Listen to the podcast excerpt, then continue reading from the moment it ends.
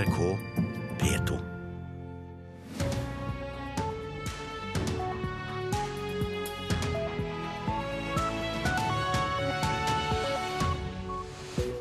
I dagens Nyhetsmorgen skal vi straks til Russland for å høre hva som møter flyktningene som nå blir sendt ut av Norge. Og Nedgangen i tallet på asylsøkere fører til at nær 5000 akuttplasser for flyktninger nå blir avvikla. Flere skoler henter nå inn psykiatriske sykepleiere for å hjelpe elever som har problem. Og et nytt eh, konsertkonsept er kommet til Norge. Publikum får ikke vite hvem som skal spille, og snakking om mobiltelefoner er strengt forbudt. Riktig god morgen i studio i dag, Silje Sande. 13 unge enslige asylsøkende menn ble i går ettermiddag uttransporterte fra mottak i Finnmark til Russland. Innvandrings- og integreringsminister Sylvi Listhaug forsikra Stortinget i et hastemøte i går om at det er trygt å sende grunnløse asylsøkere tilbake til Russland. Og Med meg nå reporter i Murmansk, Bård Vormdal. Hva har skjedd med de første som ble uttransportert eh, tilbake til Russland? I løpet av en lang natt så ble den gruppen på 13 sendt til Murmansk eh, med buss og med drosje. Eh, de må komme hit til Murmansk i morgentimene i dag. Eh, det var snakk om at de skulle overnatte i Nikkel, men det viste seg at den gruppa med ungdommer de hadde ikke rubel. så da, da ble det sånn at man da fortsatte den transporten til Murmansk i natt. Ja, du har snakka med flere av dem. Hva sier de sjølve om eh, situasjonen sin? Det er en ganske sånn trykka stemning når du, når du, snakker med de ungdommene her. Jeg traff mange, mye av folkene her i Nikel før jul når de skulle reise til Norge. og Nå møter du altså folk som da gitt opp det håpet om å komme til Norge. og, og og, og, og, ser det de sier, at det er en usikker framtid eh, for seg. De, de, de har veldig lite konkrete tanker om hvordan den framtida blir. Men mange ja, snakker også om at det, at, det, at det, kan være fare for, for deres eh, sikkerhet eh, eh, rett ut. Hvordan er de blitt møtt av russerne? Det er jo ikke noe apparat på denne sida som, eh, til å ta, ta, seg av dem i hele tatt. Den bussen hadde jo en, en norsk sjåfør, og, og den, den, bussen måtte jo klare seg på egen hånd når han kom over på russisk side. Eh, og, og, Sånn er det. på en måte det, det, det, I sånne tilfeller her så er det ikke noe apparat for å, for å ta seg av eh, altså, sånne grupper som her. Så, så Oppgaven for bussen her var jo å få, få folk til, til, plasser som kunne transporteres videre. og Det er jo først og fremst til, til Moskva og St. Petersburg. Det, det, var jo de plassene de kom fra, mange av de folkene her. Hva skjer eh, videre med deg nå? Ja, så mange er på flyplassen i, i, Murmansk og venter på fly til, til, til, Moskva. og Flere av dem har jo kjente venner i, i Moskva som, som, skal ta seg av de, de folkene her. Det er liksom det håpet de har, da, at de, de vennene kan ta, ta, seg av dem litt. Så, så ja, Ellers så, er de, så sier de relativt lite konkret om hva, hva slags hverdag de ser for seg. Takk skal du ha for at du var med, reporter i Murmansk, Bård Vormdal. I løpet av januar forsvinner hele 4900 akuttplasser for eh, flyktninger. Nedgangen i tallet på asylsøkere som kommer til landet, fører til at UDI ikke lenger har bruk for så mange akuttplasser. Det har vært slike mottak eh, kring 100 steder. Kontraktene ble skrevet i panikk, det sier ordfører i Notodden, Gry Fuglestveit Blørklinger opplevde den perioden helt i starten som ganske panikk. Eh, det var, jeg vil kalle det panikkontraktutskriving. Den enorme strømmen av flyktninger som kom til Norge i høst, førte UDI på en desperat husjakt. Over 100 steder over hele landet fikk akuttmottak. På det meste kom det over 400 personer på én dag over grensa. På få dager ble Gran og Notodden hotell plutselig heim til 270 flyktninger uten noe annet enn det de sto og gikk i. Arbeiderpartiordfører Gry Fuglestveit Bløslinger på Notodden mener det ble svært krevende. Det var en spesiell situasjon der vi ikke helt visste hva vi sto overfor. Eh, fra en dag til en annen så hadde vi ganske mange asylanter her. Strengere regelverk og færre flyktninger fører nå til at en tredjedel av akuttplassene forsvinner. 5000 bare i januar. Fuglestveit Bløslinger mener flere av stedene ikke var egnet for et mottak. Gran hotell ligger 20 km fra sentrum, og flyktningene gikk til fots for å komme seg fram. Nei, det syns jeg var flaut. Og det var heller ikke verdig i de sin situasjon. Så eh, jeg oppfordrer i hvert fall å legge mottak til steder som det er mulighet for eh, en viss infrastruktur. Hero Norge har hatt ansvaret for flere av akuttplassene. De har vært spredde på alt fra hotell til industribygg og kjøpesenter. Ketil Blinge i Hero vedgår at det gikk fort i svingene da kontrakten og arbeidet med det opprette mottakene skjedde i høst. Det har jo vært hektisk, eh, til tider veldig hektisk. Både vi og UDI og andre operatører har jo stått på dag, kveld og til dels natt for å få dette her til å fungere best mulig for de som kom. Jeg kjenner meg ikke igjen i panikkontrakter, men at ting har gått fort i enkelte tilfeller. Det har det jo gjort. Noen av flyktningene er blitt buende i tre måneder, trass i at en akuttplass ikke skal vare mer enn fem dager. Kristine Wilberg, direktør for region- og mottaksavdelinga i UDI, sier behovet for å gi flyktningene tak over hovedet har vært det viktigste. Det kom veldig mange, og primært så ønsker vi å få folk inn i ordinære mottak og ordinære rammer som man har når man har en asylsøknad til behandling. Man kan alltid si at man kan gjøre ting bedre, men ut fra den situasjonen som var, så syns eh, jeg at vi fikk til et godt samarbeid med involverte aktører. På Notodden står nå to hotell tomme etter tre måneder med flyktninger i korridorene. Ordfører Fuglestveit Bløslinger mener de kom heldig ut av situasjonen, trass i at de nesten over natta fikk nær 300 flyktninger i kommunen. Så er det de frivillige som gjorde at dette fungerte bra. Reporter her Eli Eiknes Wengen. I dag starter den svært omfattende Lime-rettssaka i Oslo tingrett. 13 personer er tiltalte etter politiaksjonen mot dagligvarekjeder i september 2014. Nei, den er, eh, den er, veldig stor. Det er eh, mange tiltalte, veldig mange straffbare forhold og noen relativt komplekse. Så, så det, er en, det, er en, veldig stor sak. Statsadvokat Geir Evanger er aktor i en av de største straffesakene i nyere tid. 13 personer sitter i dag på tiltalebenken i den såkalte Lime-saka. Det er satt av lang tid i Oslo tingrett. Ja, Det er satt av nesten et uh, halvt år. Det er lang tid, men uh, vi, det blir travelt. Uh, det tror jeg jeg kan si med en gang. Hvorfor trenger man så lang tid? Det er veldig mange forhold vi skal gjennom. Vi skal gjennom veldig mange forklaringer som vil ta tid, særlig menneskehandeldelen. Vi har ganske mye dokumentasjon vi skal igjennom. Og vi har også en del økonomiske undersøkelser som det tar tid å presentere. Det var i september i 2014 at politiet aksjonerte mot rundt 30 Lime-butikker. De 13 tiltalte er bl.a. skylda for menneskehandel, vold, trusler, tvangsarbeid og økonomisk kriminalitet. Den omfattende tiltalen, på over 50 sider, er svært alvorlig ifølge statsadvokaten. Nei, Det er flere forhold som er alvorlige, men, men den delen som går på menneskehandel er selvfølgelig eh, alvorlig. Og i, tillegg en del av den økonomiske kriminaliteten ser vi på som, som alvorlig. Men det er liksom langt på vei også helheten som, som, som gjør forholdet, forholdene alvorlige. Hva mener dere har vært motivasjonen for å drive med denne kriminaliteten? Tjene penger. Alle de tiltalte nekter straffskyld etter tiltalen. Reportere Simon Solheim og Runar Henriksen Jørstad. Vi skal ta en kikk på dagens aviser. Nesten én million nordmenn er i faresona, skriver VG. Sprengkulda bidrar til akutt eh, lufturening i norske storbyer, og den dårlige lufta kan få alvorlige følger for de som har problemer med luftveiene fra før.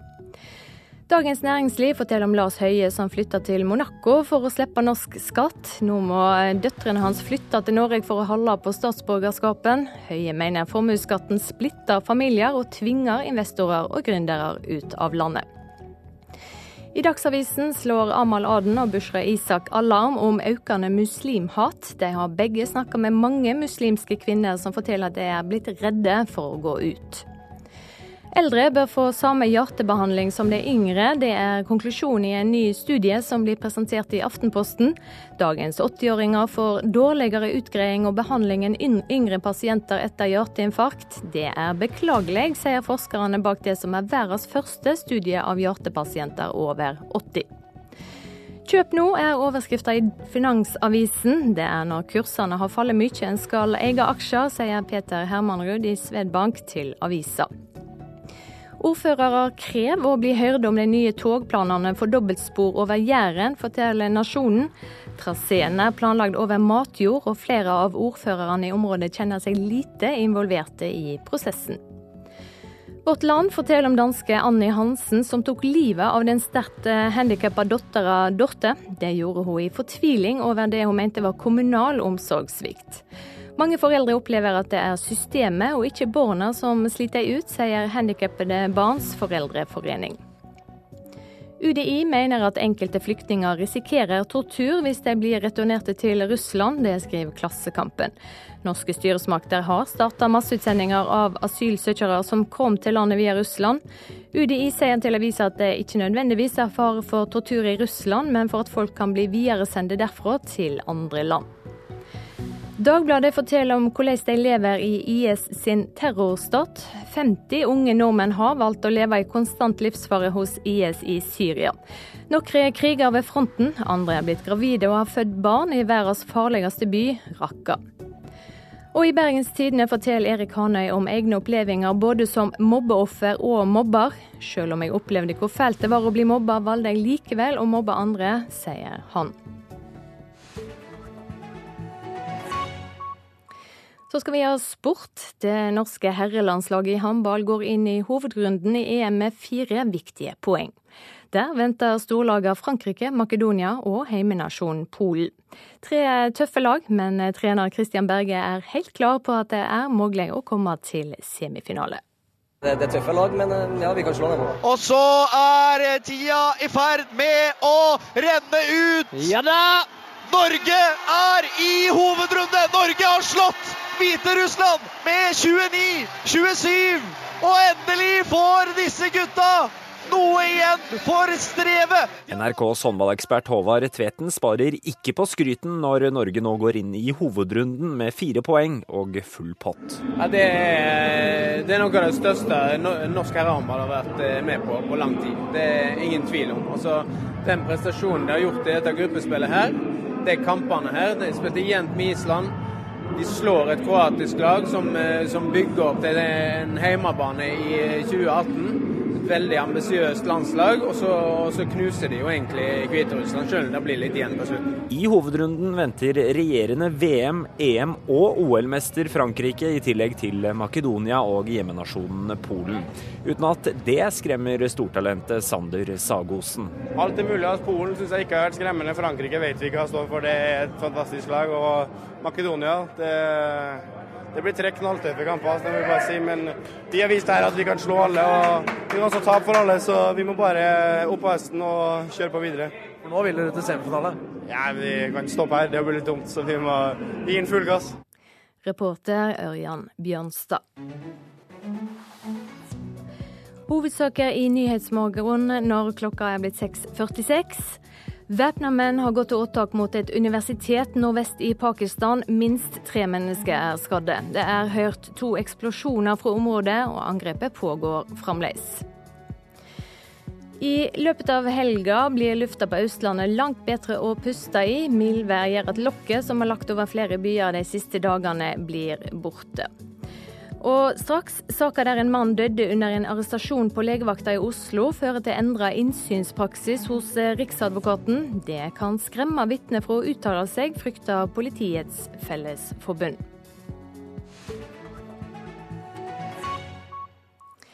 Mange lærere i Hedmark sier de bruker mye tid og krefter på elever med psykiske problemer. Ved skolene i Eidskog har de nå de får tilsett psykiatriske sykepleiere. De kan hjelpe barn og unge tidlig, i håp om at problemene deres blir minst mulig, og at flere fullfører skolen. Eh, den yngste som kommer til meg, er seks år. Det er, det er den yngste målgruppa vår. Det er god stemning blant elevene ved Skotterud skole i Eidskog kommune. Men psykiatrisk sykepleier Tine Hytjan vet at blant de mange elevene på skolen er det noen som trenger hjelp av henne en hjelp som ikke lærerne kan gi. Ehm, det kan være noen sliter med angst, noen sliter med depresjon. Noen har kanskje mista en mor eller far i kreft eller annen alvorlig sykdom og har en del bekymringer rundt det, tanker. Lærerne har tidligere brukt mye tid og krefter på elever med psykiske problemer. Vi ser det jo først og fremst på dette her med konsentrasjonen hos de elevene. At de ikke er med. det vi var opptatt av, det var fagvanskene hos elevene. Og når vi diskuterte dette her, så, så, så begynte vi å tenke på er det egentlig fagvansker.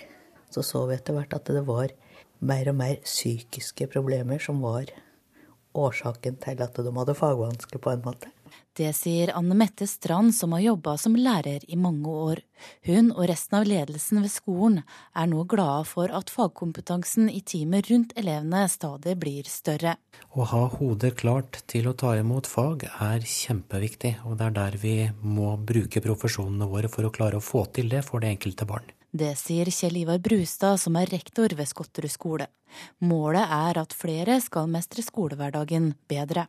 Målet vårt er at vi ikke skal ha noen som dropper ut, og derfor er det kjempeviktig at de får med seg det grunnleggende fra barneskolen og har det å bygge på. Tidligere besto skolen av lærere, assistenter og en helsesøster som kom innom av og til for å ta pirkeprøver og gi vaksiner. Nå kan mange forskjellige yrkesgrupper være med og samarbeide om elevene, sier nestleder i Utdanningsforbundet, Terje Skyvulstad. Det kan f.eks. være miljøarbeidere, barnevernspedagoger, fysioterapeuter eller psykologer og leger.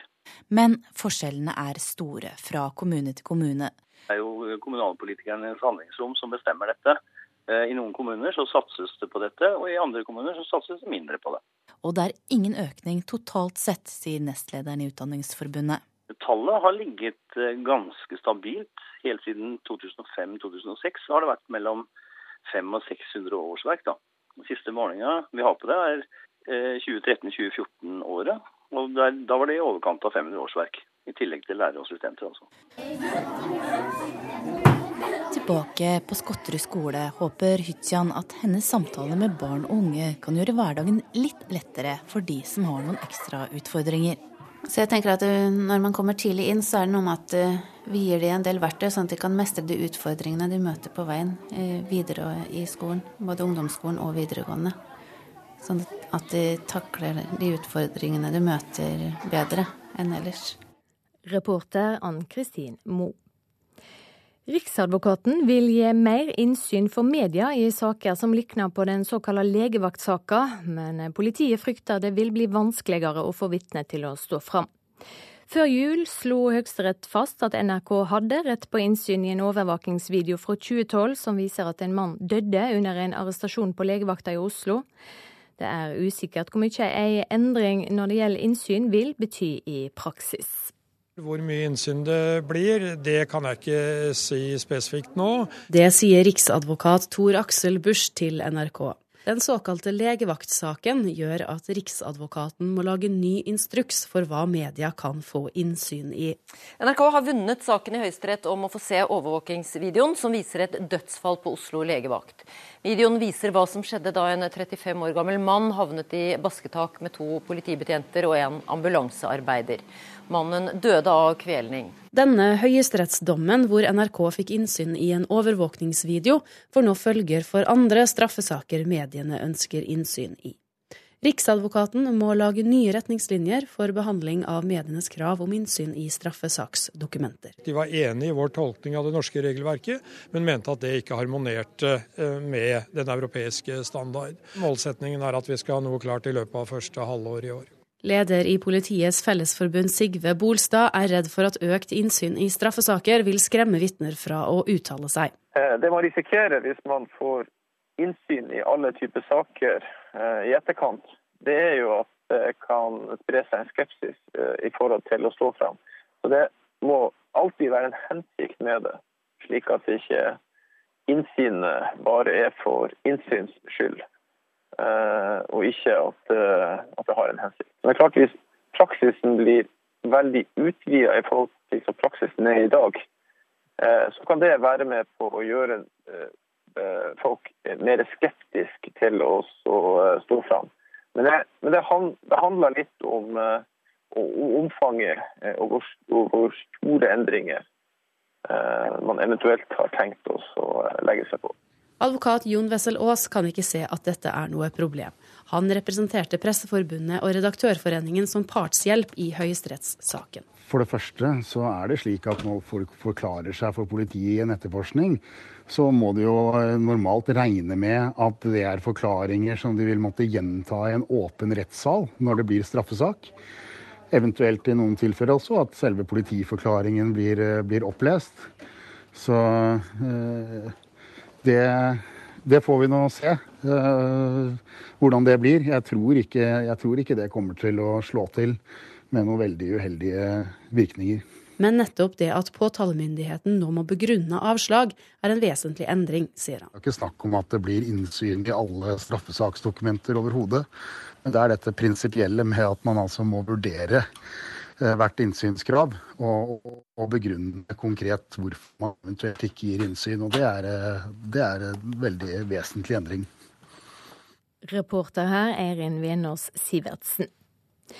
Du har gjerne opplevd det, folk som eh, prater seg gjennom konserter medan de taster ivrig på mobiltelefonen, og der det som skjer på scenen er det minst interessante.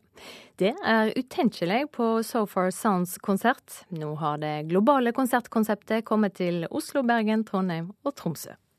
Hallo, velkommen hit. Thank you, thank you. Dere uh, står på lista, Eivind og Thea.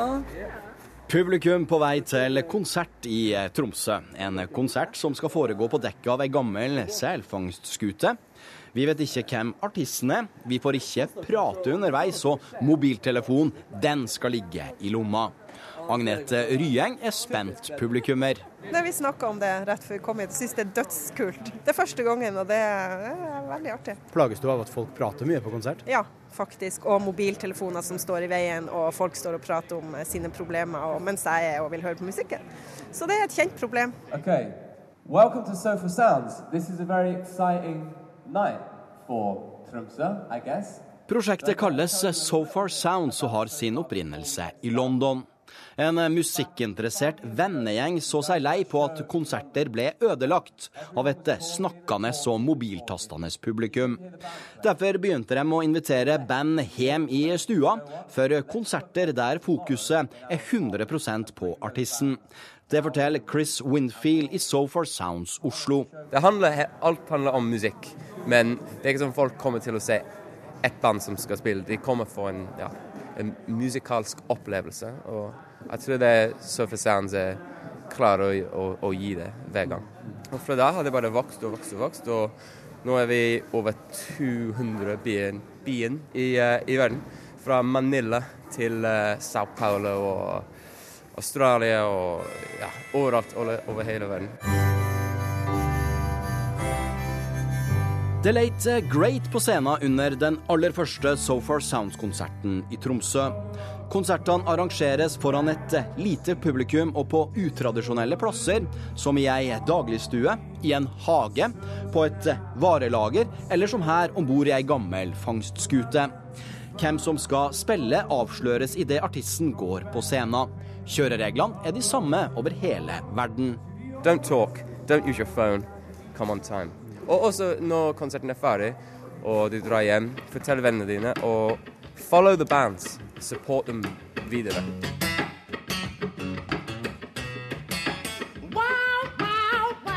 Det du hører her, er Jarle Bernhoft under en So Far Sounds-konsert i London i 2010. Også Aurora Aksnes har gjort eh, So Far Sounds-konserter. For artisten er dette en unik måte å møte publikum på.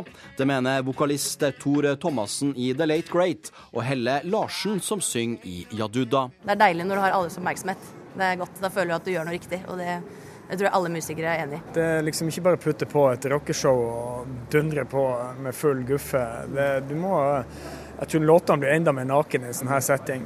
Og, og folk er, ser jo rett igjennom det hvis du ikke har noe på hjertet. Og neste So Far Sounds-konsert i Tromsø skjer om en måned med en foreløpig ukjent artist på en foreløpig ukjent stad. Reporter Rune Norgård Andreassen. Så skal vi ha et værvarsel som gjelder fram til midnatt. Fjellet i Sør-Norge nordvestlig bris. I nord frisk bris utsatte steder. Enkelte snøbyger i nord, ellers opphold og til dels fint vær. Østlandet nordlig bris, fint vær, men lengst nord i Oppland og Hedmark utrygt for snøbyger. Lokal frostrøyk nær åpent vann. Telemark og Agder får nordlig bris og fint vær. Rogaland nordøst bris, fint vær. Hordaland skiftende bris, utrygt for spredde snøbyger på kysten først på dagen, ellers stort sett fint vær. Sogn og Fjordane skiftende bris, enkelte snøbyger i Nordfjord og i ytre strøk lenger sør, ellers opphold. Møre og Romsdal nordvest bris, liten og kan hende stiv kuling på kysten i nord. I ettermiddag minkende. Skiftende skydekke og snøbyger. Trøndelag får vest eller nordvest bris, liten og kan hende stiv kuling på kysten. I kveld frisk bris. Skyer eller delvis skyer, snøbyger. Lange perioder med opphold i nord. Nordland skiftende bris, på kysten av og til frisk bris. Enkelte snøbyger, men også perioder med opphold og til dels fint vær.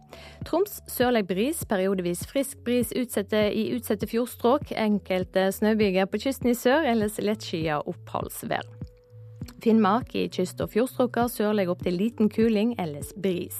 Opphold og mye fint vær, men kan hende enkelte snøbyger på kysten. Lokal frostrøyk i fjordstrøka. Nordensjøland på Spitsbergen får skiftende bris. Enkelte snøbyger, mest i vest.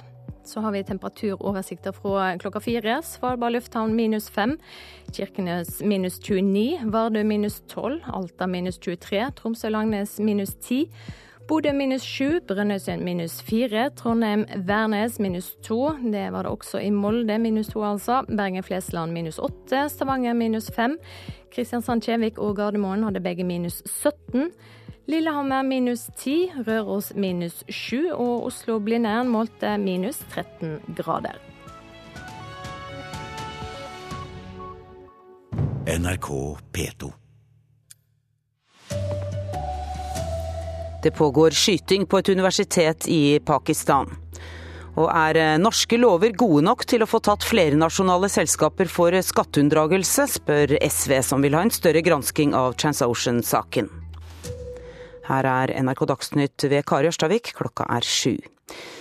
I Pakistan har væpnede personer gått til angrep på et universitet nord i landet. Det er hørt to eksplosjoner på universitetsområdet. Korrespondent i Istanbul, Kristin Solberg, hva mer vet du om det som har skjedd? Det er bevæpnede menn som angrep for kort tid siden, mens de fleste studentene var på forelesning. Og det pågår ennå. Øyenvitner melder om skyting, altså mye skyting inne fra området, eh, og flere større eksplosjoner. Politiet har sperret av området, og hæren skal gått inn nå. Um, ifølge noen rapporter så skal det være over 300, 3000 studenter og universitetsansatte som, som er er inne i bygningen. Eh, og Foreløpig så er det meldt om tre personer som er, eh, er, skadet. Men dette er som sagt et pågående angrep, så, så det, det tallet kan komme til å øke. Ja, og Vi kommer tilbake til dette så snart vi vet mer.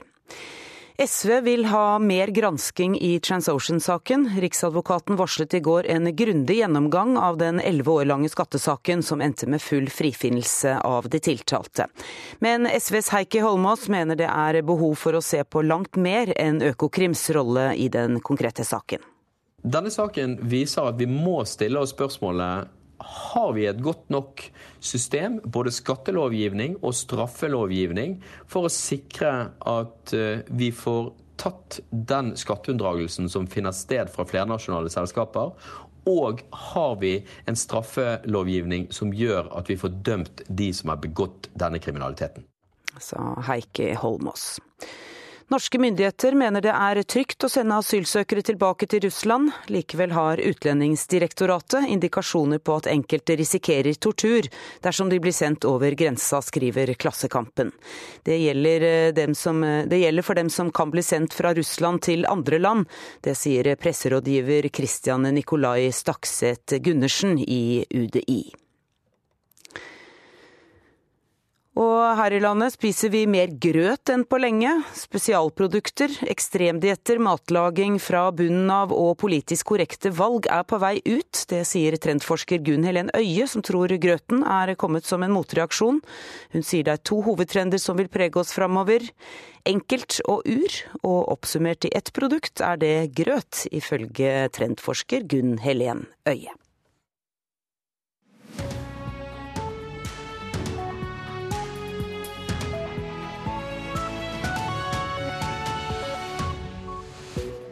Her i Nyhetsmorgen følger vi selvsagt utviklinga i terrorangrepet mot et universitet nordvest i Pakistan. 13 asylsøkere ble uttransportert til Russland i går. NOAS kommer straks i studio til oss for å snakke om hva som venter de utsendte flyktningene. Etter TransOcean-saka vil Heikki Holmås fra SV ha svar på om skattelovgivninga er god nok. Og i USA har den republikanske presidentkandidaten Donald Trump i natt fått støtte fra ei oppglødd Sarah Palin. Folk i Sør-Varanger skal i kveld demonstrere mot uttransporteringa av asylsøkere til Russland. I går ble altså 13 asylsøkere sendt tilbake over grensa. Vi vil markere motstand og vise støtte, sier Merete Nordhus fra gruppa Refugees Welcome to the Arctic. Vi vil vise flyktningene at vi står bak dem, og at vi eh, gjør det vi kan for å hjelpe dem, og at de også føler at, at uh, det er folk der ute som uh, vil hjelpe dem at de ser det. Bussen med 13 asylsøkere kjørte fra ankomstsenter Finnmark i går kveld. De skal over grensa på Storskog og til Russland. Sist helg kom rundt 70 personer fra ulike mottak i Nord-Norge til ankomstsenteret i Sør-Varanger. Jeg liker ikke situasjonen i min egen kommune med det som foregår nå. Sier ordføreren i Sør-Varanger, Rune Rafaelsen. Han reagerer på måten Noreg uttransporterer mennesker på, og har sendt et brev til statsminister Erna Solberg. Man skal ta imot mennesker med verdighet. Og når mennesker skal sendes tilbake så må det også gjøres eh, med verdighet. Det må også gjøres grundig undersøkelse av på de menneskene man sender ut. I går møtte innvandrings- og integreringsminister Sylvi Listhaug i høring i Stortinget. Der svarte hun på spørsmål om returer til Russland.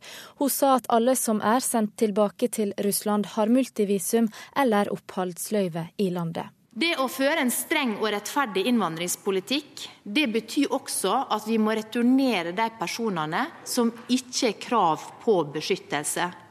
Det er viktig for at vi skal ha mulighet til å ta imot alle de som har krav på beskyttelse, som kan bli utsatt for forfølgelse i det landet de kommer fra, som kan bli utsatt for tortur og de andre eh, premissene som Den europeiske menneskerettighetskonvensjonen eh, legger opp til. Reportere Eirin Årdal og Silja Arvola. Innvandrings- og integreringsminister Sylvi Listhaug forsikra altså Stortinget i går om at det er trygt å sende grunnløse asylsøkere tilbake til Russland. Let du deg roe av Listhaug sitt svar til Stortinget, seniorrådgiver i NOAS Jon Ole Martinsen? Nei, dessverre eh, så blir jeg ikke noe beroliget av det. Det vi vet om Russland, er at det er vanskelig å få tilgang til asylinstituttet i Russland, og at de har blitt dømt i europeiske menneskerettighetsdomstolen en rekke ganger, senest i høst, for nettopp da at eh, bl.a. syrere ikke får eh, beskyttelse i Russland. Så dessverre så var det ikke noe nytt i går fra Listhaug som gjorde oss mer beroliget enn det vi har vært tidligere. Vi er uroet over at de som blir sendt tilbake med multivisum, såkalt, som kun har vært på gjennomreise i Russland til Norge, verken får tilgang til asylinstituttet, og at de heller ikke får en tilstrekkelig god nok behandling av sin søknad om beskyttelse i Russland. Vet vi hva det er som møter disse menneskene når de går av bussen i Russland? Eh, vi vet uh, noe, men vi vet ikke alt. Og det er også veldig varierende behandling som man får i Russland. det bl.a. Landinfo rapporterer om, og andre er jo også det at det er vanskelig å få tilgang til å søke om asyl. Og man snakker også om korrupsjon, utstrakt korrupsjon. At man må bestikke personer i Russland for å helt tatt kunne få levert en søknad om asyl. Han sier også at det kan ta flere måneder før man får en avtale med uh, asylmyndighetene i Russland. Og i denne perioden da, så man, har man ingen rettigheter. Uh, så det er en rekke spørsmål knyttet til hva som nå faktisk vil vente de som blir returnert, som ikke har varig opphold i Russland. Klassekampen skriver i dag at UDI har indikasjoner på at enkelte risikerer tortur dersom de blir sendt over grensa, ikke nødvendigvis i Russland, men dersom de blir videresendt til andre land?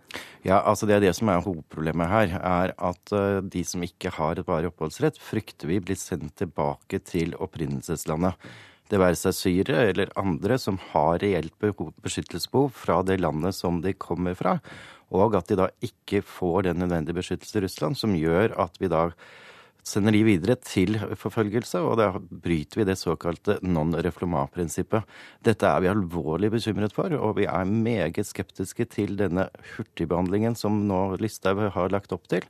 Og man burde utrede dette her atskillig mer, for hvis vi tar utgangspunkt i den landkunnskapen vi har i dag, så den, er det en såpass stor usikkerhet rundt dette her at da burde man realitetsbehandle søknadene i Norge for de som ikke har en varig oppholdsrett i Russland. Hva er konsekvensen av å ha en slik politisk instruks om utsending? Konsekvensen er jo det at fagforvaltningen ikke får gjort jobben sin når denne instruksen sier at eh, personer med multivisa, altså de som kunne ha reist gjennom Russland for å søke beskyttelse i Norge, skal omfattes og at den samtidig definerer Russland som et trygt tredjeland, så overprøver den på mange måter, eller umuliggjør da fagforvaltningen til å gjøre en grundig og skikkelig vurdering av disse sakene her. Og det er vi bekymret for. Og når også klageinstansen nå kan instrueres, ikke bare førsteinstans, men også klageinstansen Utlendingsnemnda, så får ikke disse en grundig nok vurdering av det eventuelle beskyttelsesbehovet de måtte ha, mot å ikke bli sendt videre til opprinnelseslandet fra Russland. Takk skal du ha, Jon Ole Martinsen fra Norsk organisasjon for asylsøkere.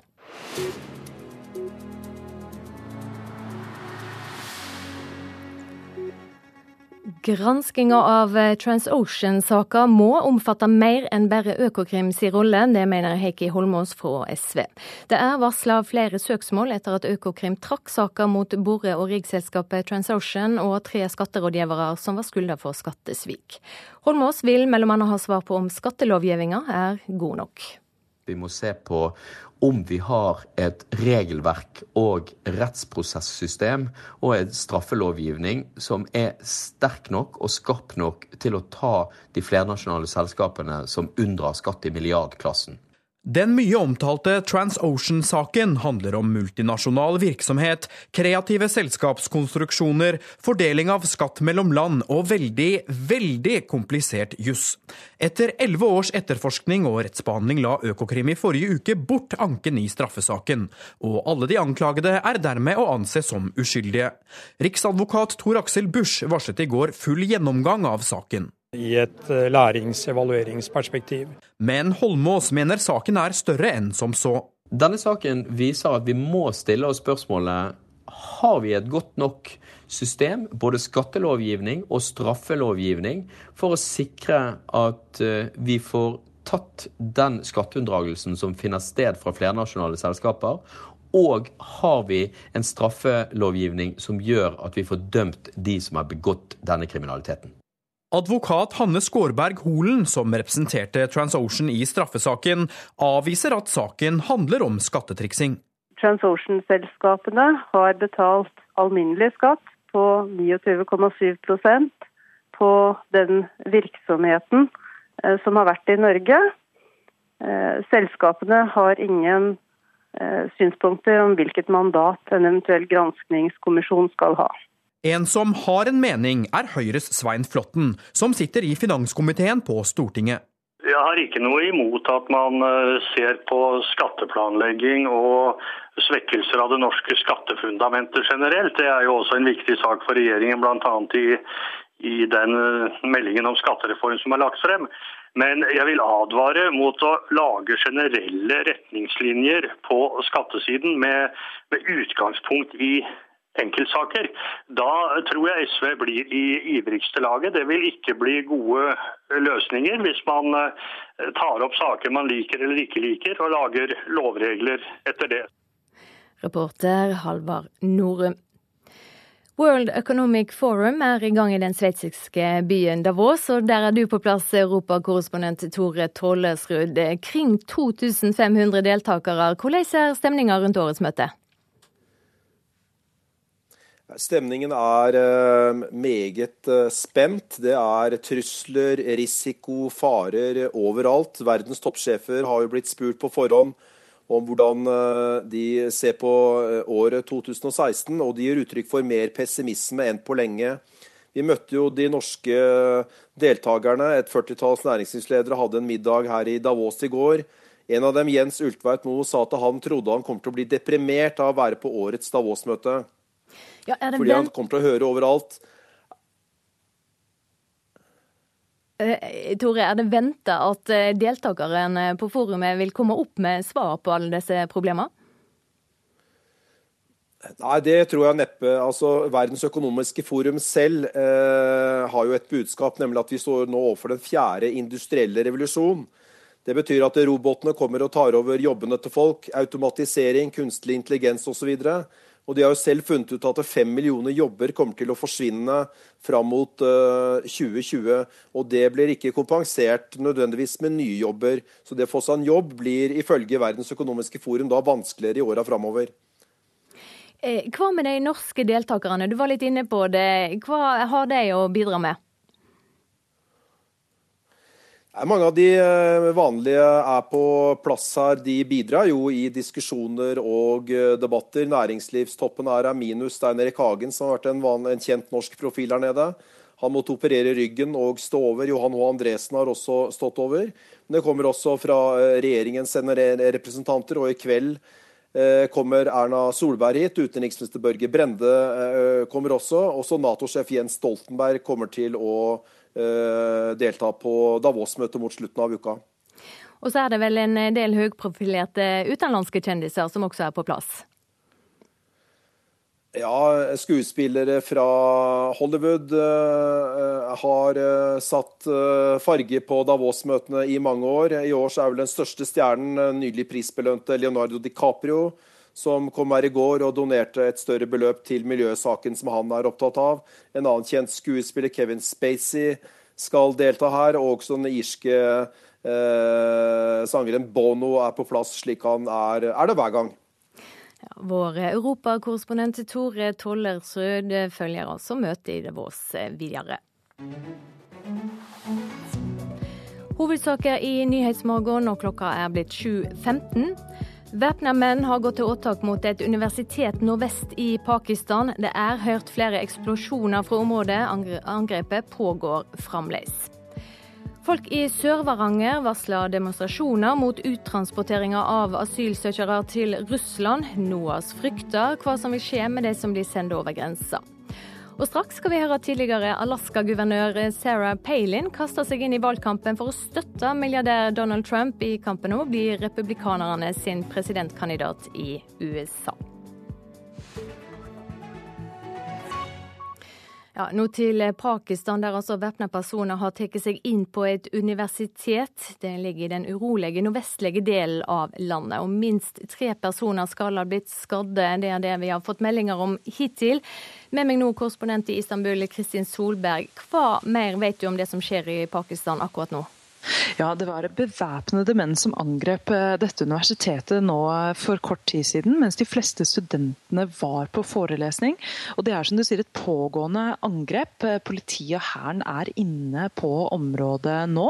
og Øyenvitner melder om skyting, lyden av skyting og tre-fire store eksplosjoner inne fra området. Lokale medier snakker om at det er over 50 skadede, og at det skal ha vært over 3000 mennesker inne på området i angrepet. Nå sier politiet at de har drept to av angriperne. Det var meldinger som kom inn for bare noen minutter siden. Men at det ennå skal være flere angripere igjen da i andre og tredje etasje av universitetsbygningen. For det vites ikke hvor mange angripere det er da totalt. Hva kan du si om dette området i Pakistan der dette universitetet ligger? Ja, Dette universitetet ligger i Khyber Pakhtunkhwa-provinsen i Pakistan. Det er en provins eh, som er eh, relativt urolig. Det har vært flere angrep i mange år der. Det har vært et problem med ekstremisme i mange år eh, i, i den provinsen. Det er bare noen titalls kilometer fra Peshawar. Det var åstedet for et stort angrep i fjor, da mer enn 150 mennesker, de fleste barn, ble drept drept i et, eh, i et, angrep som Taliban tok på seg ansvaret for, mot en skole. Og bare, bare i går så var det et selvmordsangrep eh, på et marked i den byen. Men denne aksjonen nå, den pågår fremdeles. Vet vi om noen er redda ut fra universitetet? Ja, Nå kommer meldinger om at politiet sier at de fleste studentene skal være kommet ut. Det skal da ha vært over 3000 mennesker til stede da angrepet begynte nå i, i morgentidene. Og, og, mediene rapporterer da også om 50 skadede, men det er et antall som er foreløpig ubekreftet. Takk så langt, korrespondent Kristin Solberg. I USA kasta nå tidligere Alaska-guvernør Sarah Palin seg inn i valgkampen for å støtte milliardær Donald Trump i kampen om å bli republikanerne sin presidentkandidat.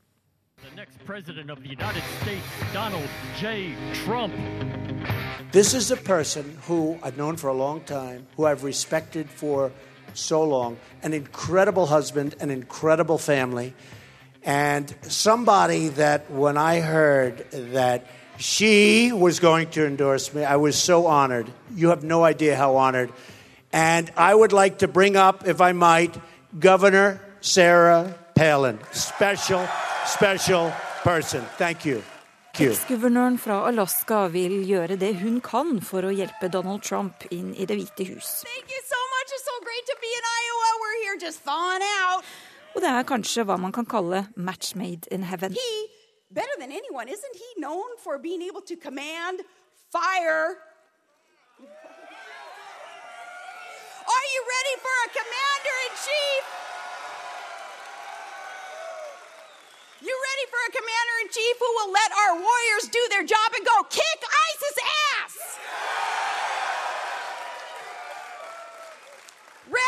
For someone who will secure our borders to secure our jobs and to secure our homes. Ready to make America great again. Are you ready to stump for Trump? I'm here to support the next president of the United States, Donald Trump. Palin ble for alvor kjent i 2008, da hun stilte som republikansk visepresidentkandidat med stor støtte i Tea Party-bevegelsen. Nå kan hun gi kjærkommen drahjelp i nominasjonsmøtene i Iowa om et par uker, der største utfordrer er senator Ted Cruz. Håpet er at Palin skal hjelpe Trump å kapre stemmer fra den store andelen konservative kristne amerikanere i delstaten. Sarah, on behalf of myself, my family, and the country, I want to thank you very much. Thank you, darling. Thank you. Come on, we'll sign a couple of things. Reporter her, det var Elisabeth Onsum. Til Kina nå. Der er en svensk mann arrestert og skylda for å ha undergravet tryggheten i landet.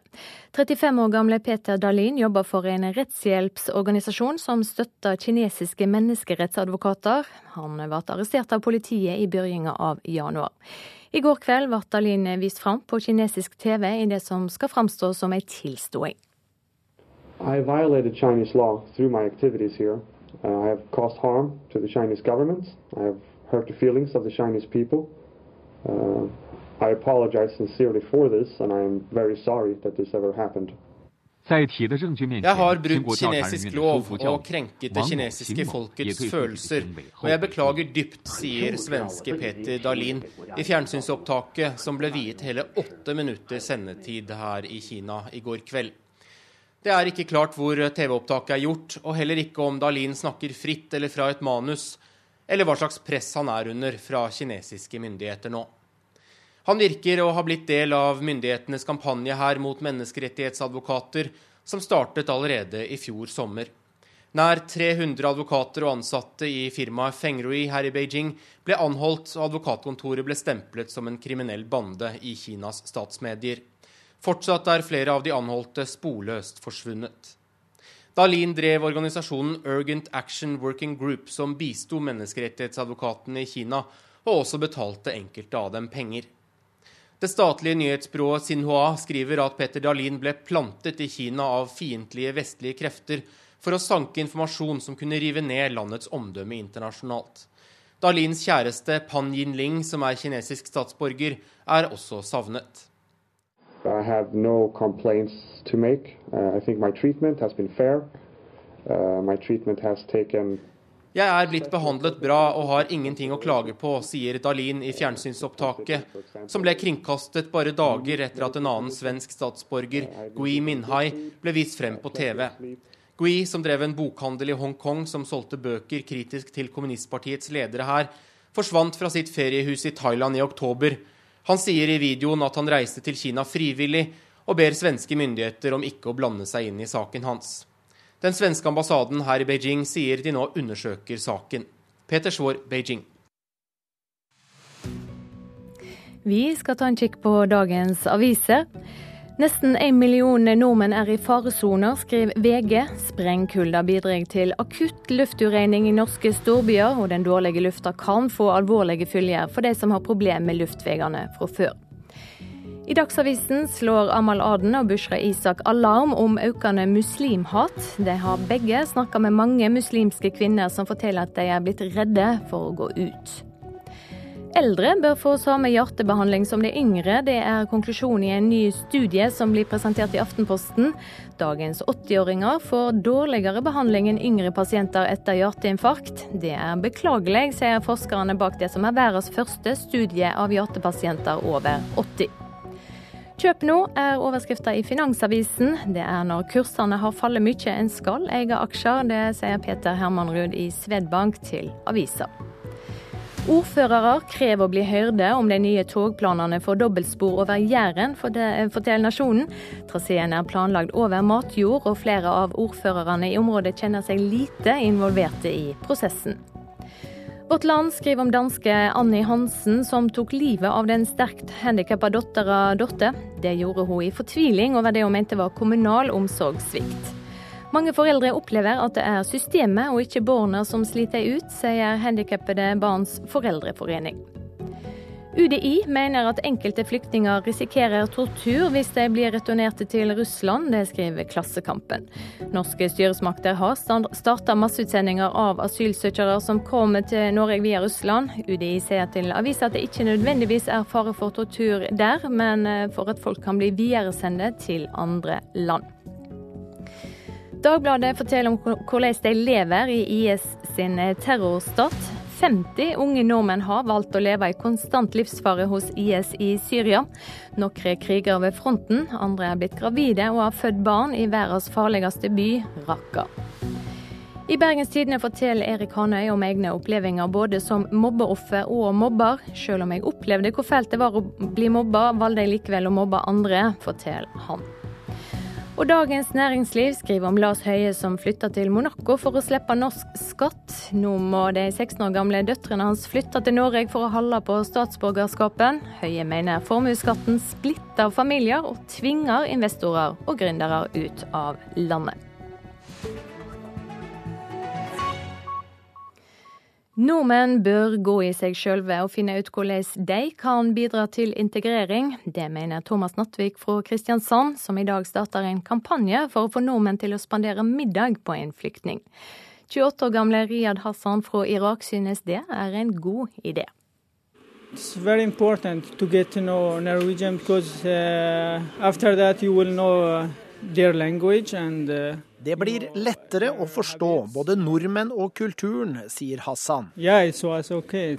Uh, Han har allerede blitt bedt ut på middag og fått norsk mat. Uh, vi kan snakke høyt om at de må lære seg norsk, og vi kan snakke høyt om at de må bli integrert, og vi kan snakke høyt om at, uh, om at noen må ta ansvar for det. Og så, og så er min lille utfordring da, at jeg tror at noe av det største potensialet da ligger i oss som enkeltmennesker mer av det.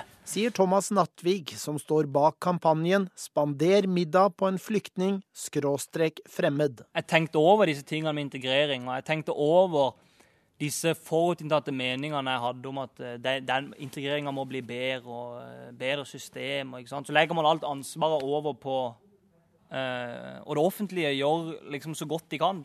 Det systemet kommer aldri til å bli perfekt. Og da tenker jeg at uh, istedenfor å sitte i tilbake og liksom kritisere, så tenker jeg kom på banen, eller? Det ble liksom inn mot mitt liv. at Thomas, hva har du gjort for at de skal bli integrert? Flere hundre har meldt sin interesse på Facebook for det én måned lange arrangementet. Og så er det de som skriver at hun har allerede hatt noen på middag der de har stått for innkjøpet sjøl, altså de innvandrerne. Og at de hygga seg stort, og hun fikk nye matopplevelser. Det tikker stadig inn spørsmål. De fleste lurer på hvordan de skal gå fram. Det jeg har gjort, det er jo at vi gikk inn på Budget Hotel, og der jobber det to norske. Eh, som vi egentlig bare spurte om du, vi ønsker å ta med oss noen på lunsj. Er det noen dere ser eh, kunne trengt det? eller sånn? Ja, det er det faktisk, sa hun ene dama som jobba der. Det var tre gutter som kanskje ikke hadde kommet helt inn i miljøet der, som hun så for seg at de hadde vært perfekte og tatt med. Ordføreren i Kristiansand, Harald Furre, besøkte i går for første gang et akuttmottak. Han har stor sans for private middagsinvitasjoner. Jeg synes det er en kjempegod eh, tanke og god idé å vise hjertevarme. Mange av de som sitter på mottak er helt sikkert interessert i å komme hjem til folk og bli, eh, bli kjent. Eh, så flott initiativ. Altså Jeg vet jo med meg sjøl at uh, mye av fordommene uh, preller jo av, må prelle uh, når man på en måte sitter der over bordet og de snakker om turen gjennom Europa opp her, og om hva de har flykta fra. da. Riyad Hassan setter pris på gjestfrihet. Vi er mennesker og ikke farlige, så ta gjerne kontakt, sier han. I say don't afraid of from us because we are just like you and uh, we are human. Og det var eh, Thomas Sommerseth som hadde laga denne reportasjen. Produsent for Nyhetsmorgen i dag, Ulf Tannes Fjell. I studio, Silje Sande. Straks klart for Dagsnytts i hovedsending. Like etter det skal vi møte en av de lojale støttespillerne til den omstridte republikaneren Donald Trump i USA. NRK P2. Væpnede menn skyter inne på et universitet nordvest i Pakistan. Folk i Sør-Varanger demonstrerer i kveld mot uttransporteringen av asylsøkere til Russland. Og SV vil ha enda mer gransking av TransOcean-saken. Her er NRK Dagsnytt ved Kari Ørstavik, klokka er 7.30. Væpnede menn har altså tatt seg inn på et universitet nordvest i Pakistan og begynt å skyte rundt seg. Det er eh, hørt flere eksplosjoner, og korrespondent Kristin Solberg, du følger situasjonen. Hva er det som foregår? Ja, det var bevæpnede menn som angrep nå i morgentimene på Bacha Khan-universitetet i eh, Khyber Pakhtunkhwa-provinsen. og De begynte da å skyte mot studenter på forelesning og i studentboligene. Nå er politiet og hæren inne på universitetsområdet. og Politiet melder om at to av angriperne nå er drept, men at det ennå skal være angripere som skyter fra andre og tredje etasje fra universitetsbygningen. og Man vet ikke hvor mange angrepere det var, i, var totalt. Men øyenvitner melder om fortsatt skyting, og de har også hørt eh, flere store eksplosjoner inne fra universitetsområdet. Vet vi noe om hva som har skjedd med studentene? Ja, Nå melder politiet nettopp om at de fleste studentene skal være reddet ut. Det skal ha vært over 3000 studenter og forelesere inne på området da angrepet begynte. Eh, lokale medier snakker om at det er over 50 skadede i angrepet, og at eh, en kjemiprofessor skal være drept. Mens lokalt politi sier at det bare er tre som er skadet. Eh, og det er da to sikkerhetspersonell og én sivil, ifølge politiet. Hva vet du om dette området der universitetet ligger? Ja, det ligger i Khyber Pakhtunkhwa-provinsen i Pakistan, nordvestre Pakistan. og Det er en provins som lenge har hatt mye uro eh, med militante grupper. Det er samme provins eh, som der Taliban tok over Swat-dalen for noen år siden. Og det er bare 50 km fra Peshawar. Det er åsted for det største angrepet på, på lenge. Det var eh, i fjor. Da ble over 140 40 mennesker, de aller fleste barn, drept i et angrep mot en skole. Ehm, og bare i går så, så vi et selvmordsangrep på et marked i Peshawar der ti mennesker ble drept. Nå til eh, folk i Sør-Varanger som i kveld demonstrerer mot uttransporteringen av asylsøkere til Russland. I går ble 13 asylsøkere sendt tilbake til landet. Vi vil markere motstand og vise støtte, sier Merete Nordhus fra gruppa Refugees Welcome to Arctic. Vi vil eh, vise flyktningene at vi står bak dem, og at vi eh, gjør det vi kan for å hjelpe dem. Bussen med 13 asylsøkere kjørte fra ankomstsenter Finnmark i går kveld. De skal over grensa på Storskog og til Russland. Sist helg kom rundt 70 personer fra ulike mottak i Nord-Norge til ankomstsenteret i Sør-Varanger. Jeg liker ikke situasjonen i min egen kommune med det som foregår. Sier ordføreren i Sør-Varanger, Rune Rafaelsen. Han reagerer på måten Norge uttransporterer mennesker på, og har sendt et brev til statsminister Erna Solberg. Når mennesker skal sendes tilbake så må det også gjøres eh, med verdighet. I går møtte innvandrings- og integreringsminister Sylvi Listhaug i høring i Stortinget. Der svarte hun på spørsmål om returer til Russland. Hun sa at alle som er sendt tilbake til Russland har multivisum eller oppholdsløyve i landet. Det å føre en streng og rettferdig innvandringspolitikk, det betyr også at vi må returnere de personene som ikke har krav på beskyttelse. Reportere var Eirin Årdal og Silja Arbola. Og reporter i Murmansk, Bård Vormdal, hva har skjedd med dem som ble uttransportert fra Norge til Russland i går? Det var veldig mye fram og tilbake i går kveld eh, forhold til overnatting i grenseområdet. fordi at eh, Bussjåføren ønska å, å, gjøre det fordi at det var ekstreme temperaturer og det ble sent på kveld før man kom seg over grensa. Nå ble det ikke noe av den overnattinga i Nikel pga. at eh, de, den gruppa her hadde ikke rubel, så man måtte kjøre fram i natt. og Gruppa kom til, til Murmansk i, i morgentimene. De ble transportert til flyplassen og til jernbanestasjonen eh, og satt av, sånn at de kan dra videre til destinasjoner som de sjøl ønsker. Du har eh, snakket med flere av dem som ble uttransportert, og hva sier de om situasjonen sin? Ja, Det mest alvorlige er jo spørsmålet om deres egen sikkerhet. og Flere sier jo at de, at de, er ikke sikre i Russland. og de, de, de, har, altså, de har problemer med å se at de skal ha en sikker framtid. Eh, og, og, Det er kanskje det mest alvorlige. og Så går det jo på forhold, forhold til arbeid og, og hus, som, som, mange stiller spørsmålstegn med hvordan, hvordan det blir for, for dem nå. Ja, hva skjer, videre, hva skjer videre med dem nå? Ja, eh, de, de, fleste reiser nok til St. Petersburg og, og, Moskva. Eh, flere av dem har eh, bekjente i, i de byene der, sier de til meg. Og at de håper at man kan få hjelp for til, til, til husvære og, og, og, muligheter for å se etter arbeid og, en sikker tilværelse. SV vil ha større gransking i TransOcean-saken. I går varslet Riksadvokaten en grundig gjennomgang av den elleve år lange skattesaken som endte med full frifinnelse av de tiltalte. Men Heikis, SVs Heikki Holmås mener det er behov for å se på langt mer enn Økokrims rolle i denne saken. Denne saken viser at vi må stille oss spørsmålet har vi et godt nok system, både skattelovgivning og straffelovgivning, for å sikre at eh, vi får tatt den skatteunndragelsen som finner sted fra flernasjonale selskaper, og har vi en straffelovgivning som gjør at vi får dømt de som har begått denne kriminaliteten. Men Høyres Svein Flåtten, som sitter i finanskomiteen på Stortinget, er kritisk til Holmås' utvidede TransOcean-granskning. Flåtten sier skatteplanlegging og triksing er viktige tema, men jeg vil advare mot å lage generelle retningslinjer på skattesiden med, med utgangspunkt i enkeltsaker. Da tror jeg SV blir i ivrigste laget. Det vil ikke bli gode løsninger hvis man tar opp saker man liker eller ikke liker, og lager lovregler etter det. Advokat Hanne Skårberg Holen, som representerte TransOcean i straffesaken, som altså endte med full frifinnelse, avviser på sin side at saken i det hele tatt handlet om skattetriksing.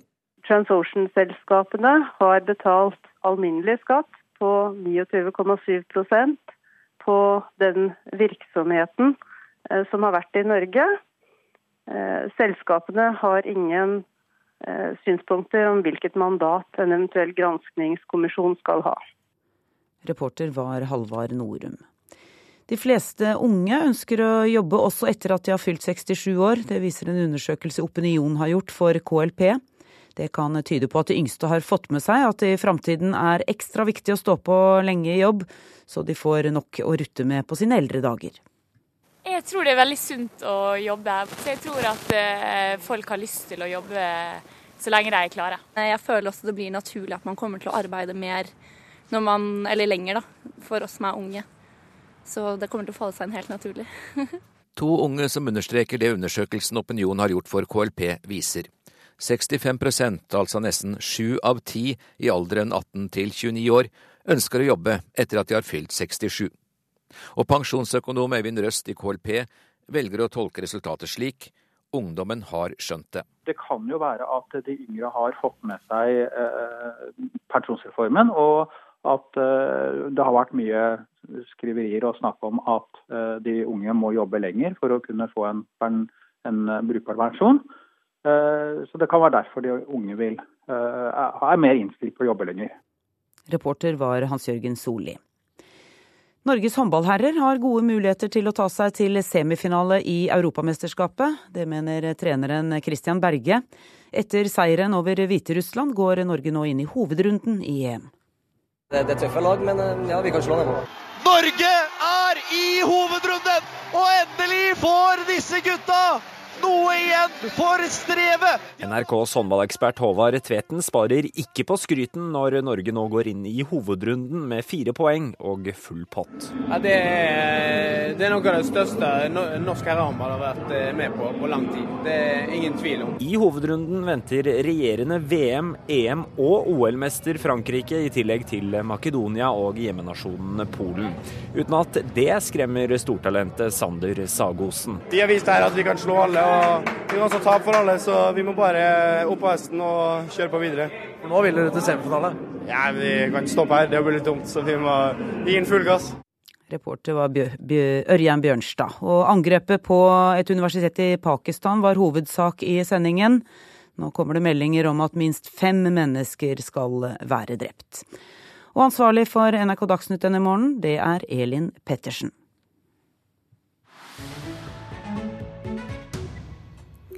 I dag er det ett år til Barack Obama går av og den nye presidenten avlegger Aiden som USAs 45. commander in chief. Blant republikanerne gjør Donald Trump det godt på meningsmålingene i forkant av nominasjonsvalget. En av årsakene til det er at han tenner et håp blant frustrerte hvite menn. USA er ikke lenger hva det var, og The Donald er mannen som kan få skuta på rett kjøl, slik de ser det. Vår eh, USA-korrespondent Tove Bjørgaas har møtt en av Trumps sine støttespillere.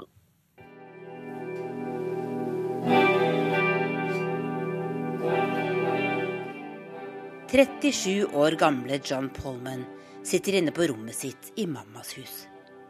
På veggene henger elektriske gitarer og musikkmemorabilia han samler på. John har kamuflasjefargede shorts og en stor, svart caps på hodet. You know, TV, you know, Jobben sin forteller han om med stolthet i stemmen. Uh, I sell music equipment. Um, I specialize in guitars, but um, I sell everything from keyboards, drums, uh, bass, amplifiers.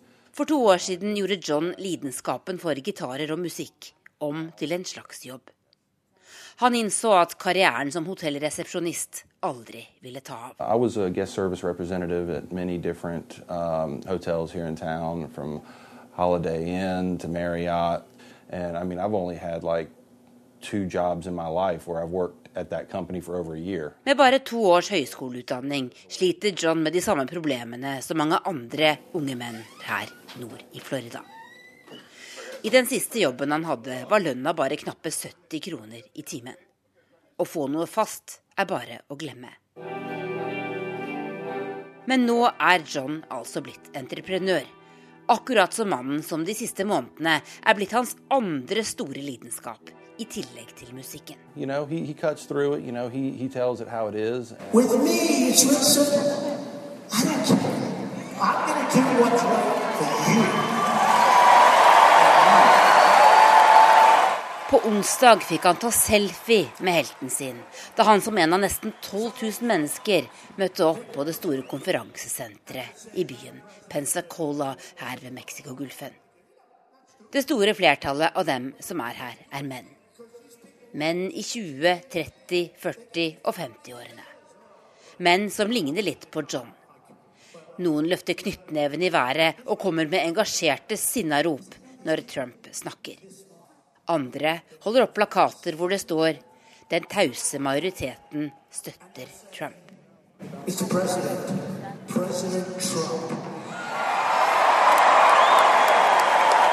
Den styrtrike forretningsmannen har skapt en bevegelse. Milliardæren, som har en så totalt annen bakgrunn enn sine støttespillere, har blitt som en bestefar som lover å hjelpe dem til et bedre liv. Han leder mer på meningsmålingene enn noensinne. Ekspertene forstår ingenting. Det pleier å være den som får andre til å betale inn mest penger, som vinner valg her i USA. Ikke slike som Trump, som bruker sine egne millioner. Men mange menn her liker nettopp det. Vi er tilbake i det lille murhuset utenfor byen, der det er brunt vegg-til-vegg-teppe i alle rom. John Polman håper det blir Donald Trump som kan overta Barack Obamas jobb om et år. Da håper han å få en mer stabil økonomi. Det pågår et terroråtak mot et universitet nordvest i Pakistan. Ifølge de aller siste meldingene er minst fem mennesker drepne. Flere tusen er redda ut fra området, og pakistansk politi og militære prøver nå å få kontroll over situasjonen. Folk i Sør-Varanger varsler demonstrasjon i kveld mot uttransporteringa av asylsøkere til Russland. NOAS frykter hva som vil skje med de som blir sendt over grensa. De fleste unge ønsker å jobbe også etter fylte 67. Folk i 40-åra er langt mer lunkne til det, ifølge en ny undersøking. Etter TransOcean-saka vil Heikki Holmås fra SV ha svar på om skattelovgivninga er god nok. Og i USA har den republikanske presidentkandidaten Donald Trump i natt fått støtte fra ei oppglødd Sarah Palin. Nå er det Politisk kvarter, programleder der, Bjørn Myklebust.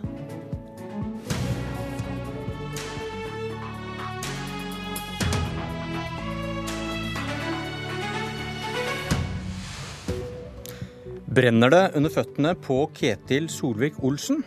Han anklages for å ha forsøkt å presse byråkrater til å drive partipolitikk. De som har trykket anklagene, Dagens Næringsliv møter Nettavisens Gunnar Stavrum. En fillesak, skrev han. Var det bare varmen fra peisen Solvik-Olsen kjente mens han satt der og skrev brev til kontrollkomiteen?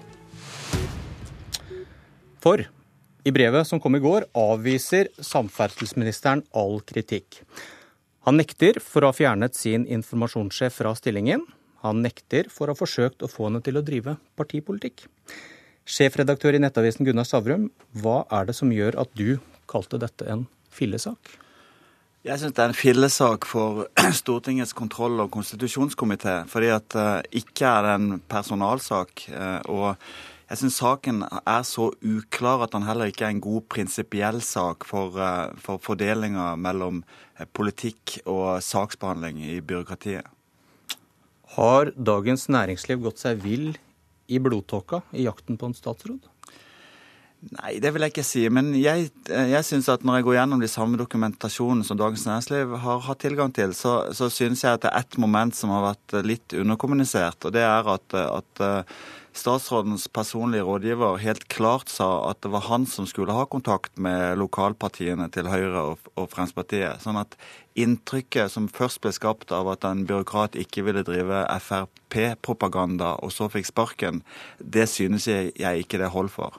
For det da når statsråden skulle på tur langs E6, og spørsmålet var om hvem som skulle kontakte lokale Frp-lag i forkant av turen. og Eva Grinde, kommentator i Dagens Næringsliv. Føler du deg ydmyk eller kampklar i møte med Gunnar Stavrums innvending her? Jeg vil kanskje ikke kalle det verken ydmyk eller eh, kampklar, men eh, at eh, saken er så klokkeklar som Stavrum mener, det, det er jeg jo ikke enig i. Og hvis vi ser den den saken der vi trykket den e-posten som han, eh, han, mener er en, en, avgjørende formulering, så var jo ikke den verre for vår sak enn at den også sto på trykk i vår uh, artikkel. Og der sto den også sammen med en del andre e-postutvekslinger om hvordan organiseringen av denne E6-turen skulle foregå. Men hvorfor velger dere da ikke gi den avgjørende vekt, i og med at de da skriver at politisk ledelse tar seg av kontakt med disse partilagene? Det ble skrevet litt ulike ting i disse e-postene. Det, det, var helt åpenbart en, en, politisk rådgiver som så det som naturlig at politisk tok den jobben. Vi vet ikke hva slags eh, samtaler som var, for, var forut for den eh, e-posten. Og det ble jo også sagt samtidig i e-post fra ministeren til kommunikasjonsavdelingen at vi må passe på å ha rom til både Høyre- og Frp-representanter osv. Så, videre. så her var det mange meldinger på én gang. Altså jeg, jeg, tror, Selv om denne saken kanskje ikke er så glassklar Det er vel to hovedversjoner av denne saken. Er, uh, Versjon én er at uh, rådgiveren følte seg pressa ut etter å, å, ikke ville hjelpe Frp. Den andre versjonen som kom i går, når Kjetil Solvik-Olsen svarte på kritikken, er at han ikke var fornøyd med samarbeidet og, og arbeidet som denne rådgiveren gjorde.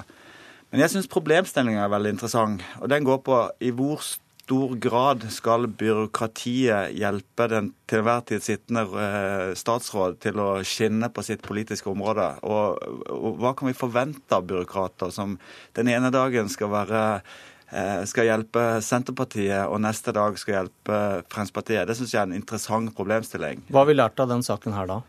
Det jeg har lært, det er at eh, det har skjedd en god del siden Max Weber lagde sin byråkratiteori, hvor liksom det skal være saklighet, det skal være regler, det skal være, det skal være eh, rettssikkerhet i byråkratiet, til i dag hvor, hvor, politikk og politiske beslutninger er så innvevd med informasjon og kommunikasjon om de samme tingene, at jeg, jeg tror at eh, Eh, at, at, det kommer til å skje endringer der, hvor mer av informasjonsarbeidet uansett kommer til å ligge nærmere den politiske ledelsen enn, enn å være i byråkratiet. Grinde, nå står vi med ord mot ord. En tidligere informasjonssjef og en tidligere departementsråd som hevder at Solvik-Olsen ville presse embetsverket til å drive partiarbeid.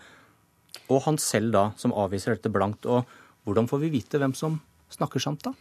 Det som er veldig påfallende med det brevet som eh, kom fra Solvik-Olsen i går, er jo at nettopp virkelighetsforståelsen står helt mot hverandre mellom de to øverste lederne i det departementet, altså den tidligere departementsråden Eva Hildrum og ham.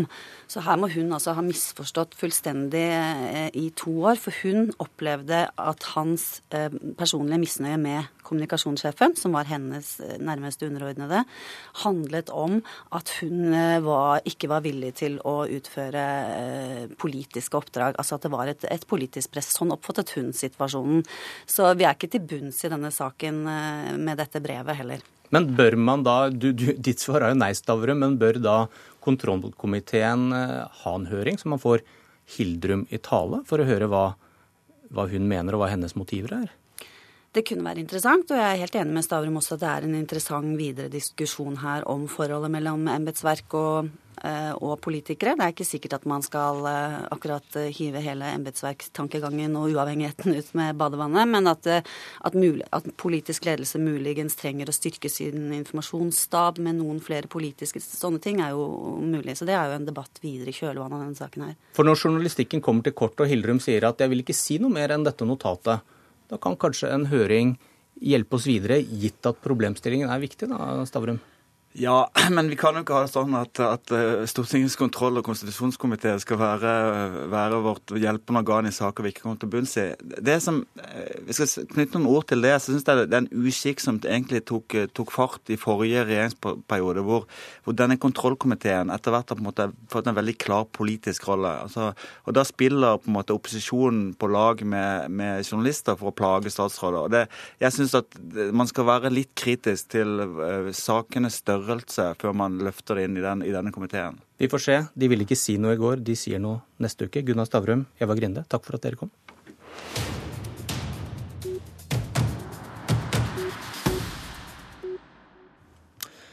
I går kveld ble en gruppe asylsøkere kastet ut av Norge og busset inn i Russland. Russland er et trygt land, gjentok Sylvi Listhaug i Stortinget. Geir Toskedal, talsmann for KrF i denne saken, velkommen. Takk for det. Dere er bekymret for det som skjer nå. Eh, jeg har ikke hørt noe om at situasjonen i Russland har endret seg siden KrF ga sin støtte til ny politikk før jul.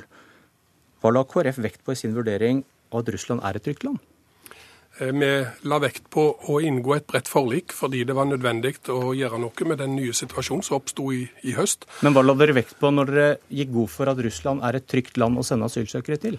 Da la vi vekt på at vi, eh, de som har opphold i Russland, kan sendes tilbake til Russland. Der har de oppholdstillatelse, der er det trygt å være for de som har oppholdstillatelse der. Det la vi vekt på. Vi har aldri lagt vekt på at Russland et, eh, kan garantere for de som ikke har opphold i Russland. Og Derfor er det vi har stilt spørsmål hvorvidt alle som blir sendt tilbake nå, har eh, opphold i Russland. Men dere sa at Russland er et trygt land, og at folk kan sendes tilbake dit, så asylsøknaden deres skal behandles i Russland, eller har jeg misforstått helt? Vi har vel aldri sagt at Russland har vært et trygt land. Vi har sagt at de som kommer fra Russland, kan sendes tilbake til Russland. Det som vi er bekymra for nå, det er at folk som kommer fra andre land og har krav på eh, beskyttelse, f.eks. fra Syria, blir sendt tilbake til Russland uten at de har eh, tilstrekkelig oppholdstillatelse i Russland. Så det, det, det du sier er at en familie som flykter fra Syria gjennom Russland til Norge, bør få asylsøknaden sin behandlet i Norge? Ja, det mener jeg. Dersom de ikke har eh, oppholdstillatelse i Russland, så har de krav på å få behandla sin søknad her. Ingjerd Schou fra Høyre, var det dette KrF sa ja til før jul? Det jeg opplever at vi fikk et bredt forlik om, det var uh, i flere runder før jul, faktisk. Vi hadde jo en lovendring også allerede i, uh, i november, men så kom det brede forlik om, om innstramninger. Og jeg opplever vel at uh, det var en bred enighet der om at vi skulle ha innstramminger, og de virker. Det kom altså 30 000 i fjor, 120 over Storskog hver eneste dag. Og effekten av de innstramningene som Kristelig Folkeparti var med på, det var jo at de skulle returneres, at vi skulle gi opphold opphold til de som hadde reelle eh, beskyttelsesbehov, men så skulle de også returneres, de som ikke hadde det. Og i all hovedsak så er jo de som har kommet over Storskog, ikke syrere. Eh, og de som returneres nå, de er jo de har vært i Norge i flere uker, fordi strømmen over Storskog den stoppet jo opp eh, etter innstramningstiltakene. Og de som har returneres nå, de har jo fått sin De har jo blitt vurdert i Norge. Og de returneres nå til Russland, som da Eh, et tredjeland. Eh, og sånn sett så vil vi være i ganske vanskelig situasjon hvis ikke eh, vi skulle si at vi kunne sende folk tilbake til Russland. Da tror jeg at signalet ute i verden ville være ganske sterkt om at nå er Norge allikevel ikke på innstramningslinjen. Hva ville konsekvensene ha blitt, Toskedal? Altså, Vi mener at de som skal, eh, ikke har rett på opphold, de skal sendes tilbake. Der er vi helt enige. Og vi er enige at det måtte en ny politikk til. Eh, men det som vi har stilt spørsmål ved, det var jo nå når det kom så mange rapporter fra Amnesty, fra FN, fra andre, fra advokater osv. om at praksis av det vedtaket eh, ble praktisert så strengt at folk som kanskje burde få vurdert sin asylsøknad i Norge, også ble sendt tilbake til Russland, uten at de dermed hadde oppholdstillatelse tilstrekkelig. De kan ha hatt et transittvisum, de kan ha hatt en besøksvisum, men vi mener at det kanskje må ses på på ny. At de får behandla sin søknad enten etter 48-timersregelen eller etter tre ukers eh, eh prosess. Det som har vært eh, utgangspunktet for eh, den instruksen som eh, Kristelig Folkeparti og vi var sammen om, det var jo at Russland var å anse som et trygt land. Ellers så ville vi være ganske en vanskelig situasjon for de som da er såkalte tredjelandsborgere. Men hvis det, hvis det er slik at man kan anta at de som kommer kan bli utsatt for tortur, forfølgelse, altså den type ting, så skal søknaden eh, behandles i Norge. Det ligger i avtalen, sånn at det er ikke noe nytt som kommer opp nå. Det, eh, og at Norge skal følge de ja, menneskerettighetsforpliktelsene, de internasjonale konvensjonene, det er det heller ingen tvil om. Det ligger også i det forliket. Eh, så det viktige nå er jo at ja, jeg bruke, jeg vet nesten ikke uttrykket jeg skal bruke, men det er viktig at vi er fast i fisken, altså. Uh, på at de innstramningene vi faktisk kom med, de forfølges. Altså de følger man opp fra norske myndigheters side. Og at vi ikke gir et signal ut i verden om at Norge nå allikevel ikke skulle mene det vi vedtok før, før jul. Fordi dette har virket. Og... Men det virker som om KrF ikke har sett for seg at de som kommer fra Afghanistan, Nepal, Syria og reise gjennom Russland, at de skulle bli avvist sånn som dere legger opp til nå? Altså det, det, jo også, det, har kommet folk over Storskog, ikke nå, men før jul, når den store strømmen kom, så kom det jo også folk fra en rekke land som ikke, eh, da fra norske myndigheters vurdering, har behov for beskyttelse. Eh, og de skal jo returneres. Eh, og det har i all hovedsak også, etter de opplysningene jeg har, ikke kommet syrere. Altså i hovedsak ikke kommet, det er mulig det er Nei, men Konsekvensen av det du ja. sier, er at hvis de har krav på beskyttelse, så er det Russland som skal gi det? Det er de som skal behandle ja, den altså, de asylsøknaden? Veldig mange av de har jo hatt opphold i Russland allerede. De har vært der i, i ja, men flere år. De som kommer fra Syria, da, de skal få sin, Ja, og- sitt beskyttelsesbehov vurdert av Russland, Og så ikke av langt, Norge? jeg, så langt jeg er kjent med, så har heller ikke Russland sendt syrere tilbake. Altså Det kan sikkert være unntak på det, men det er jo også eh, viktig å få med seg at, eh, at Russland er jo også et land som eh, ser den konflikten eh, som, som syrere er i. Men jeg tror det er viktig for alle avtalepartnerne at vi er enige om at internasjonale forpliktelser skal eh, Norge holde på, og at vi også har en, en individuell vurdering av hver enkelt. og Det er jo det som skjer nå når, når vi sender folk tilbake til Russland. Så har de jo vært her i flere uker. De har fått blitt vurdert. eh, Og sånn sett er altså Russland et land som eh, også har gitt disse opphold i ulik varierende lengde, men da skal man tilbake dit. Men hva skal dere gjøre, Nordahl Torskedal? For jeg hørte jo Arbeiderpartiet i går, Senterpartiet, som støtter regjeringen. Så de har flertall uten dere. Men dere har kanskje litt makt likevel? Ja, altså Vi samarbeider jo om dette forliket. Jeg er enig i at folk som ikke har eh, oppholds, eh, har grunnlag for, for beskyttelse, de skal, Men de skal ut så fort som mulig. tar de seg til rette at, dette forli- at de gjør noe nå som ikke har dekning i forliket, som dere skrev under på? De bekymringene vi har fått denne uka, tyder på at praksis kan ha vært eh, Og det, grunn, det har gitt grunn til bekymring. Så det er praksisen vi er ute etter. Og bunnplanken for oss er at vi oppfyller internasjonale menneskerettigheter og de konvensjonene som, som landet er bonden av. Og Da mener vi at eh, vi må sikre at de som har behov for beskyttelse, ikke blir sendt tilbake til Russland dersom de kommer fra Syria, som har vært spesielt utsatt. Så jeg er enig i de andre landene. Vi, er jo enige i dette forliket om at eh, vi måtte gjøre noe på Storskog. Vi er enige i de innstrammingene. Det har Kristelig Folkeparti støtta og vært med å bidra til at de 18 punktene fra regjeringen ble 64 punkt. Så det har vi vært med på overalt. Men kort til slutt. likevel Ja, jeg- praksis. Ja, og jeg er veldig glad for at vi har et så bredt forlik, og så skal det, dette følges opp. Men eh, jeg tror det er viktig at vi er urolig på et riktig altså Man kan alltids være urolig, men det er noe med at man Ok. har dokumentert før man blir for engstelig. Det var Politisk kvarter. Jeg heter Bjørn Myklebust. Hør flere podkaster på nrk.no podkast.